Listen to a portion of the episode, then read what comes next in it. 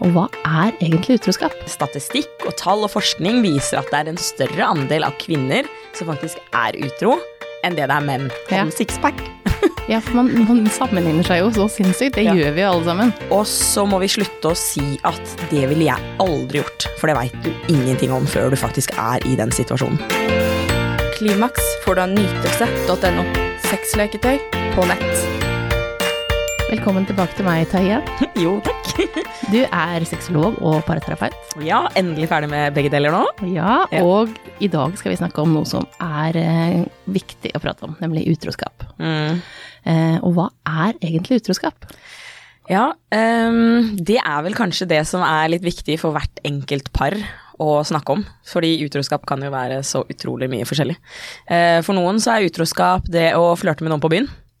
Eh, For andre så kan det være å sende flørtende meldinger med en kollega på jobben. Vi har jo den nye the term, altså mikroutroskap, ikke sant. Og det er mye sosiale medier, da. Ikke sant. Like bilder av andre jenter på nettet, eh, sende meldinger. Hva med webcam? Det å eh, ja, onanere på webcam foran et annet menneske. Og så har du det klassiske utroskapet. Um, det å ha en one night stand på byen.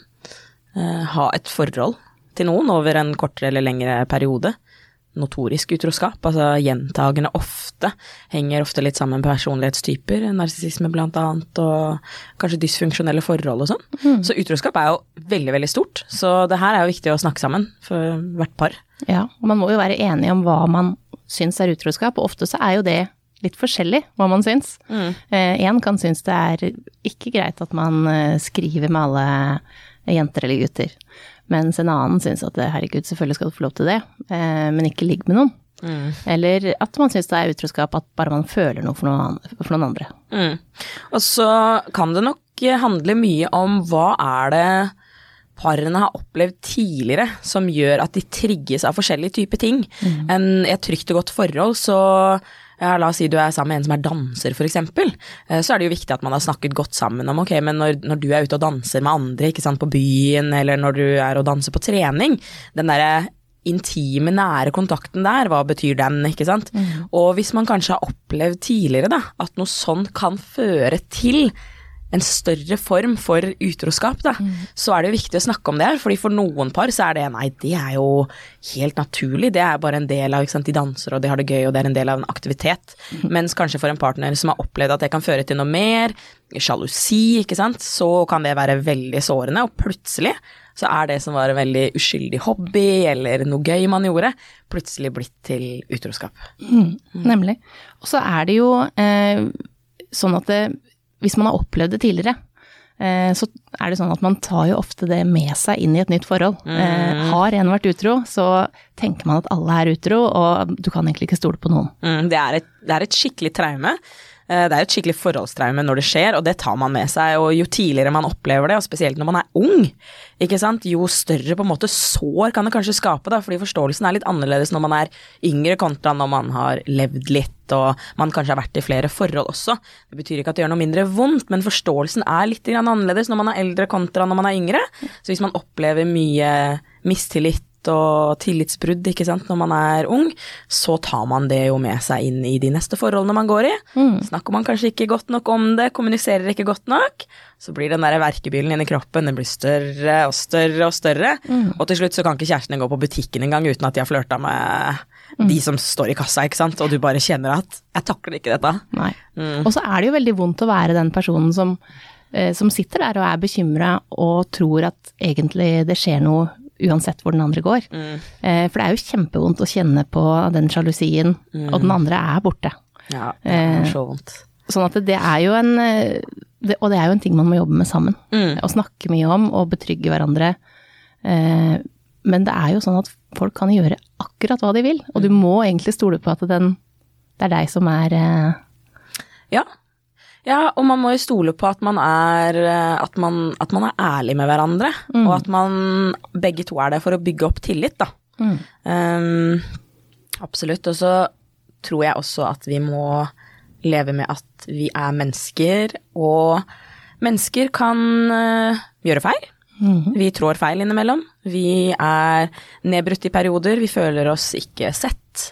Eh, vi kan gå gjennom vanskelige ting som eh, andre mennesker kan forstå bedre, som plutselig gjør at man får en eller annen slags tilknytning til et annet menneske. Når barn kommer inn i bildet, eh, hvordan alle de hormonene gjør at kvinner ikke egentlig skal ha verken lyst eller sant, alle disse typer tingene her. Hvordan har mannen det på sin side? Hvordan har dama det? Altså, det er så mange fasetter i forhold til liksom disse menneskelige eh, følelsene som oppstår. Og de må vi nok være mye Vi må være mye flinkere til å snakke om det. Og så må vi slutte å si at det ville jeg aldri gjort, for det veit du ingenting om før du faktisk er i den situasjonen. Nei, for en eller annen gang i løpet av livet så vil alle være i den situasjonen på en eller andre siden. Ja. Eh, hvor det er noen andre som ser deg litt bedre, eh, og som gir deg den oppmerksomheten som du kanskje ikke får hjemme akkurat nå, for det på grunn av andre ting. Eh, og så er det jo mm, mange som er utro. Hvor mange er det som egentlig er utro? Ja, det er jo litt sånn interessant, for før så var det jo sånn at det er bare menn som er utro. Ja. ikke sant? At det var De er utro sånn med noen, eller? Ja, de er utro med noen, ja. Eh, Men hvis man ser på litt sånn Hvis man ser på tall, hvis man ser på Tinder-dating og happy, ikke sant, alt sånt som skjer nå eh, En dame kan gå på byen, og hun er nesten garantert til å kunne få ligge hvis hun vil det. Altså fordi, fordi For gutta så er det ikke på samme måte. De må jobbe veldig mye hardere. Eh, Så statistikk og tall og forskning viser at det er en større andel av kvinner som faktisk er utro, enn det det er menn. Og så er spørsmålet hvor mange er det som egentlig er ærlige. Så tall fra 2020 viser at det er eh, 41% kvinner Nytelse.no. eh, som er utro i løpet av enten, i løpet av enten livet eller forhold. Eh, og så er det 37 menn, da, så det er færre. Og så sier man at det er liksom en åttende, liksom, av hvert liksom, åttende menneske vil på en måte ha vært utro. Eh, men det er spørsmålet vil jeg vært utro i løpet av det forholdet de er i nå, eller er det i løpet av livet? Og hvor ærlige er de? Og hva er da egentlig den utroskapen? Fordi for noen så er utroskap kun det man kaller for det standard eh, standardsexen. Altså det å faktisk ligge sammen, penetrerende samleie. For noen andre så vil ikke klining på byen være utroskap. Eh, kanskje heller ikke det å se på pornografi, selv om partneren har sagt at dette opplever jeg som veldig krenkende, ønsker ikke at du skal gjøre det. Så det er sånn vanskelig med de tallene der, da. Nemlig. Fordi at man har kanskje ikke da satt hva som vi som par ser på som utroskap tidlig nok. Og det er jo noe man må snakke om med en gang, egentlig. Så fort man eh, skal være i et forhold, så må man jo ta opp den eh, Hva er det utroskap er for oss? Eh, og, og bestemme seg for det. Men eh, hvem er det som er utro? Du sier eh, eh, det er flere kvinner, men er det en, er det en type menneske? Hvis vi snakker om notorisk utroskap, da, som jeg nevnte litt i stad, så ser man en sammenheng mellom hvem, hvem type mennesker det er som har en gjentagende tendens til å være utro ofte. Kanskje gjerne de som er mer impulsive, de som har behov for bekreftelse, mye anerkjennelse, de som lett blir rastløse i forholdet, kanskje mennesker som hopper med fra forhold til forhold, men det trenger ikke nødvendigvis å være sånn. Og så er det jo forskjell på, hvis man snakker om notorisk utroskap som er utro med mange forskjellige typer partnere, eller at du har funnet én partner som du er utro med mange ganger. Ikke sant? Er det det samme, er det også notorisk utroskap, eller er det faktisk at du har et forhold på siden, siden av. av det forholdet du er i? Det er jo to litt forskjellige typer ting. Eh, men hvis vi skal se på de andre tallene i forhold til hvem det er som er utro, så er det jo gjerne de som er i forhold hvor de føler at de ikke blir sett og anerkjent. Det er jo ofte det som er det gjentagende. Eller og forhold hvor eh, den, eh, det seksuelle, det intimlivet, bare er totalt neglisjert, og én part føler at ok, jeg har det bra i forholdet ellers, men jeg må få altså få ut den her seksuelle energien min. Eh, og, og det er ikke sikkert at de vil ha det med den samme partneren, men de må få det ut et eller annet sted. Og hvis partneren ikke har mulighet til å gi det til dem hjemme, så søker de ut. Og det er ikke sikkert de vil ut av forholdet engang, de bare har behov for å få det behovet møtt. Da. Og det er jo mange som går på en sextørke i et langt forhold. Ja. Um, så det at man Og alle trenger den nærheten på et eller annet tidspunkt. Uh, men er det sånn at én gang utro, alltid utro? Ja, jeg tror uh, det er litt forskjell på hvor langt man pusher de grensene når man er i ett forhold. At eh, det er jo noen som opplever at hvis de først har vært utro én gang i et forhold, så kan det være lettere å gå over den grensa, bryte den grensa en gang til, og kanskje spesielt hvis man ikke har fortalt partneren det, eller man føler et eufori ikke sant, av gode følelser når man gjør det, så tenker man ok, men dette skadet ikke partneren min, jeg har ikke fortalt noen ting om det. Nei, og så får du et kick selv. Ja, så får du et kick selv. Um, og så er det jo dette her med det med å fortelle, hvis du går inn i et nytt forhold, om du skal fortelle den nye kjæresten din at i det forrige forholdet mitt, så var jeg mye utro. Mm. Eh, For det kan jo være med på å Det skaper noen sånne forventninger. Det er noe press der, og det er noen tanker ikke sant, som blir gjort. Fordi hvorfor var du det i det forrige forholdet ditt, og betyr det at det er en sannsynlighet for at du kommer til å gjøre det igjen? Eh, Min personlige mening er at det er ikke sånn at en gang utro, alltid utro. Jeg tror det handler om eh, menneskelige følelser, verdier, hvordan man har det. Ja, og så tror jeg det at det, det er jo ikke en ting man må fortelle, at du har vært utro tidligere. Eh, fordi at det, det kan jo skape en usikkerhet. At hvorfor skal du ikke gjøre det eh, Du har gått over den grensa en gang. Eh, hvorfor skulle du ikke gjort det igjen? Mm. Eh, og så er det jo noen som, som sier det da, at det man ikke vet, har man ikke vondt av. Mm. Mm. Tror du det er sånn? Um, Nytelse.no. jeg tror at uh, dette må parene snakke sammen om. Mm. Jeg vet om voksne forhold hvor en, par, eller hvor, hvor en av partene vil si det at eh, hvis det viser seg at eh, mannen min eller kona mi eh, har hatt en engangsgreie, så, så er ikke det noe jeg vil vite om. eh, fordi vi har det bra. Så hvis det har skjedd et eller annet eh, på fylla en gang, eller så ikke fortell meg det. Eh, men så er det jo også litt sånn hvem andre er det som veit det? Vanskelig å holde en hemmelighet. De sier én kan holde en hemmelighet, men to, To klarer det ikke. to klarer det ikke. Nei, og jeg tror jo, eh, min personlige mening på det er jo at eh, hvis det er sånn at alle rundt vet det, Mm. eh, og, og du er en sånn som sier nei, men jeg vil ikke vite det, Mm. alle andre vet det rundt, Mm. syns man det er greit? Ja, nei, jeg hadde, det hadde jeg syntes hadde vært helt forferdelig hvis alle vennene mine hadde gått rundt og visst noe om meg og mitt forhold. Og så hadde jeg vært den siste til å få vite det. For det er jo sånn som jeg sa, ikke sant, den hemmeligheten. Ikke sant, jo flere og flere som får vite det, jo større sannsynlighet er det for at det kommer ut. Da. Så jeg tenker at dette her må man snakke om. Man må snakke om hvordan er det vi ønsker å ha det. Ehm, ehm, og hvor viktig er det for oss å være ærlig om de forskjellige typer aspektene av forholdet, og hvor man er hen. Fordi som oftest så En ting er jo når man er skikkelig full, Mm. og man har en one night stand, men hva med når den her emosjonelle tilknytningen begynner å oppstå med noen, f.eks. en kollega? Mm. Det burde man jo snakke om når man kjenner at det begynner å oppstå. Snakke med partneren sin om det og si at vet du hva, nå kjenner jeg faktisk at jeg har en eller annen sånn slags tiltrekning, og dette er vi nødt til å finne ut av. Fordi det er lov å si at jeg er redd for å gå over streken, jeg er redd for å krysse en eller annen eh, linje. Mm. Så dette er vi nødt til å snakke om hvordan vi skal håndtere framover, og hva kan vi gjøre for å, for å kanskje eventuelt også hindre at det skal skje noe, og så er det lov til å si at ok, da må man kanskje trekke seg unna, da, og komme, ha litt avstand fra det mennesket. Mm. For det er den eneste måten å unngå det på, det er faktisk å trekke seg unna. Ja. Mm. For, eh, og, og det er jo ofte eh, på jobben utroskap eh, oppstår. Mm. Fordi at man bruker jo større del av dagen sin med kollegaer enn man gjør med den man er sammen med. Mm. Selv om man sover i samme seng, eh, så, så er man den våkne tiden mer med de på jobb Ja. enn det man er med partneren. Ja. Eh, og da er det jo fort gjort at man eh, ja, forteller om ting som har skjedd, og du blir kanskje møtt på en helt annen måte og en helt annen forståelse. Mm. Eh, fordi de heller ikke ser hele bildet, de som er på jobb, fordi de får ikke med seg alle de andre tingene, men det er lett å falle for noen på jobben. Mm. Så knytter man jo bånd til lignende situasjoner som man har, ikke sant. Kanskje man begge to har det litt tungt og vanskelig hjemme.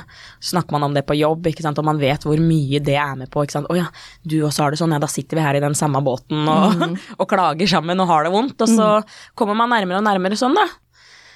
Ja, og så er det fort gjort at da blir det litt meldinger, litt uh, Vi er på Snapchat, vi er uh, uh, Ja, plutselig får man et forhold på sid. Og det kan man få med en kollega, man kan få det med en venn, man kan få det med noen man møter ute. Så man plutselig har det derre Så man skriver mye fram og tilbake, åpner seg mye. Mm. Og slutter kanskje å åpne seg for partneren sin på samme måte. For hadde du åpna det der, så hadde det gått bedre der. Ja. ja, det er det der mikroutroskapet, ikke sant. Ja. Kommer inn, ikke sant. Det er den der lille spede begynnelsen. Ja, og så er det fort gjort å tro at gresset er grønnere på andre siden, men så blir det ganske Gresset ser ganske likt ut etter hvert. Ja, Der også. det gjør det. Sånn er det bare, dessverre. Ja. Eh, men eh, når man forteller partneren sin eh, eh, om utroskap, da. Eh, er det for å lette på sin egen samvittighet, eller er det for å jobbe med forholdet? Jeg tenker at det kan være en kombinasjon, ja, mm. av eh, begge deler. Um, det kan jo være at man er oppdratt til å skulle fortelle. Altså når det har skjedd noe, så skal du fortelle det til partneren din. Så det kan jo bare komme av noe så enkelt som at jeg har et behov for å fortelle.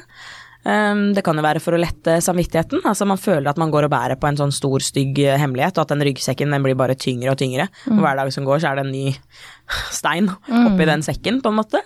Um, og så kan det jo kanskje være uh, fordi man enten ønsker å avvikle eller komme nærmere.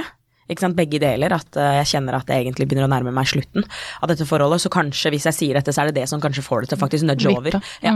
Ikke sant, at ok, men hvis jeg er ærlig her nå, så, så er det en vei ut. Mm. Um, eh, men også det for å jobbe med forholdet, da. Fordi hvis man har gått rundt og kjent på det lenge, at man kanskje har båret på noe aleine, um, så kjenner man at eh, dette her, det klarer jeg ikke bære på lenger. Og det er jo mange som kan si at eh, det her gjør du bare for å lette din egen samvittighet. For at du liksom skal få lov til å fortelle hvor vondt du har det med at du går rundt og bærer på dette her. Men det er viktig å huske på at det, altså, den personen gjør nok også mest sannsynlig det. De har nok sikkert ordentlig vondt av det de har gjort når de kommer ut og er ærlige og såre og har det vondt med det som har skjedd. Man skal ikke, man skal ikke si at det er en feil følelse eller et feil behov å få lov til å lette hjertet sitt. Så det er nok en Jeg vil nok si at det er en kombinasjon av mange forskjellige typer ting, og at det er veldig avgjørende hvem, hvilket menneske og hva slags type opplevelse og Ja, og så er det jo litt sånn eh, når, når sier du det? Sier du det med en gang det har skjedd? Eller sier du det tre år etterpå? Ja. Eh, for da kan det være litt, føles litt sånn Det her er bare for deg selv. For at den, vi har de siste tre åra Nytelse.no. ikke visst Altså, i forholdet ikke visste om det her. Eh, så det her er jo for din egen del. Eh, og ja, kanskje man trenger det, da. Eh, men, men for den som har vært eh, Man kan jo føle seg litt snytt for tid. For jeg fikk aldri muligheten da til å, for tre år siden, Mm. eh, velge å gå ut. Fordi jeg syns ikke det der var greit. Mm, Eller velge å reparere. Ja. Fordi det er jo ikke sånn at altså, eh, Og det er jo litt sånn um, Sånn som Sissel Gran og, og, og de prater mye om for, det er forholdsknekker, det er traumer.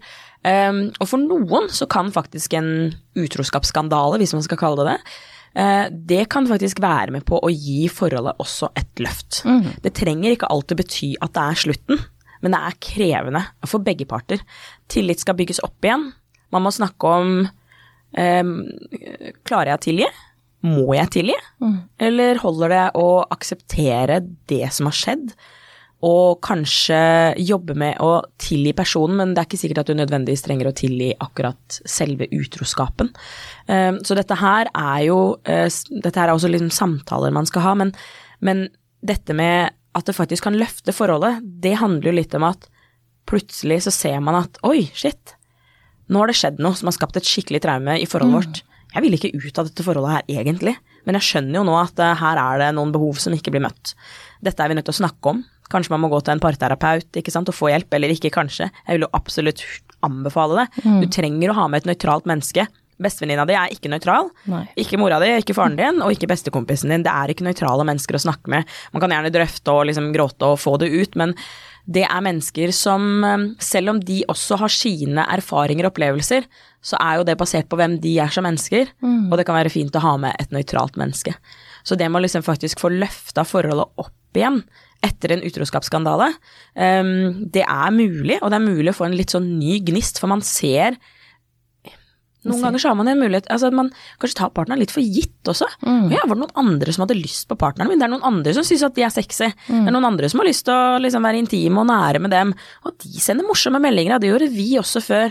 Så får man den der lille gnisten, da. Eh, og jeg tenker- Konkurranseinstinktet. ja, ja, og jeg tenker at man skal ikke bare legge all skylda på den som er utro, man skal ikke bare legge all skylda på den som er hjemme og ikke orker å gjøre noen ting heller. Det er et samspill her, og den gnisten for å holde liksom det der bålet i gang, det krever disse to menneskene. Begge to må faktisk være villige til å gjøre det man kan for å liksom holde flammen i gang. Um, og det kan utroskap være med på å skape, at man ser at nå var, nå var, det, nå var det lite glør igjen her, og nå kjenner vi at eh, nå er vi nødt til å ta tak. Det er ikke lett, krever innsats, det krever jobb. Og jeg tenker at det krever tett oppfølging, at de har noen å snakke med underveis. Og at de tør å være ærlige om det de syns er vanskelig. Ja, og så er det jo fort gjort, for det, kan man komme over utroskap, er jo liksom vanskelig å si, fordi at det, det er jo en ting som vil komme opp i krangler fremover. Eh, hver gang det er et eller annet, en eller annen form for tillitsbrudd, så vil den utroskapen dras opp. Og så kan man, den partneren som har vært utro, si er vi ikke ferdig med det, har vi ikke prata om det? Mens den andre har et kjempebehov av å prate om det igjen og igjen og igjen. Kanskje vite historien, åssen skjedde det, eh, for hundrende gang. Eh, og så må man også forstå at det, det, det har man kanskje behov av å snakke om. Selv om jeg veit at det skjedde på byen, eh, når dere møttes i baren, altså et eller annet, hva som skjedde. Men så vil du vite det om igjen og om igjen og om igjen. Ja, og det er alle de detaljene også. Man kan bli usikker. Men sist gang så sa du ikke det, ikke sant. Og så er man igjen på vei inn i det nye traumet. Å ja, var det det dere også gjorde? Det fortalte du meg ikke. Og å ja, møttes dere da, og tok dere en drink på etter at Ikke sant. Så det er et eller annet med det å um, Det er jo noe med det å anerkjenne også at uh, hva, hva er mitt behov i forbindelse med å få mest mulig informasjon gjennom dette. Ikke sant. Hvor, hva gagner det meg, egentlig?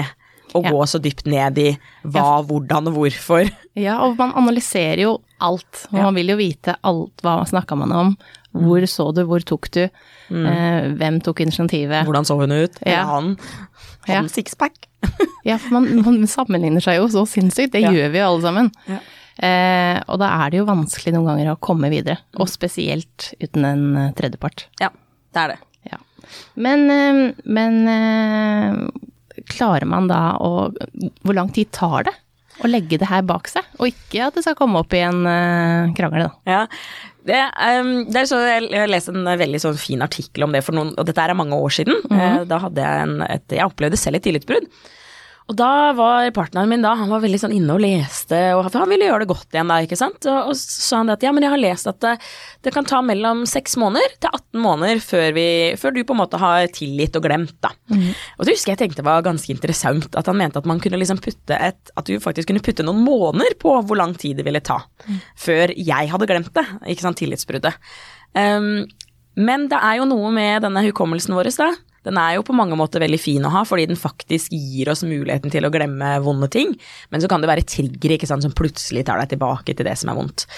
Men eh, forskjellen er jo hvor stor er løgnen, hvor stor er bedraget, eh, hvor lenge har det pågått, eh, hva slags type tillitsbrudd var det, er det, eh, hvordan ser man på det, er man likere i hva et tillitsbrudd er, så er det litt grann lettere, fordi da er det lettere å forstå det andre mennesket. Er man veldig forskjellig, hvis en aldri i verden noensinne kunne begått eh, noen som helst slags form for utroskap. Ikke engang en flørt ved kaffemaskina på jobben. Eh, ikke, en, ikke en like, ikke et bilde. Så selvfølgelig, da er, den, da er man veldig forskjellig, da.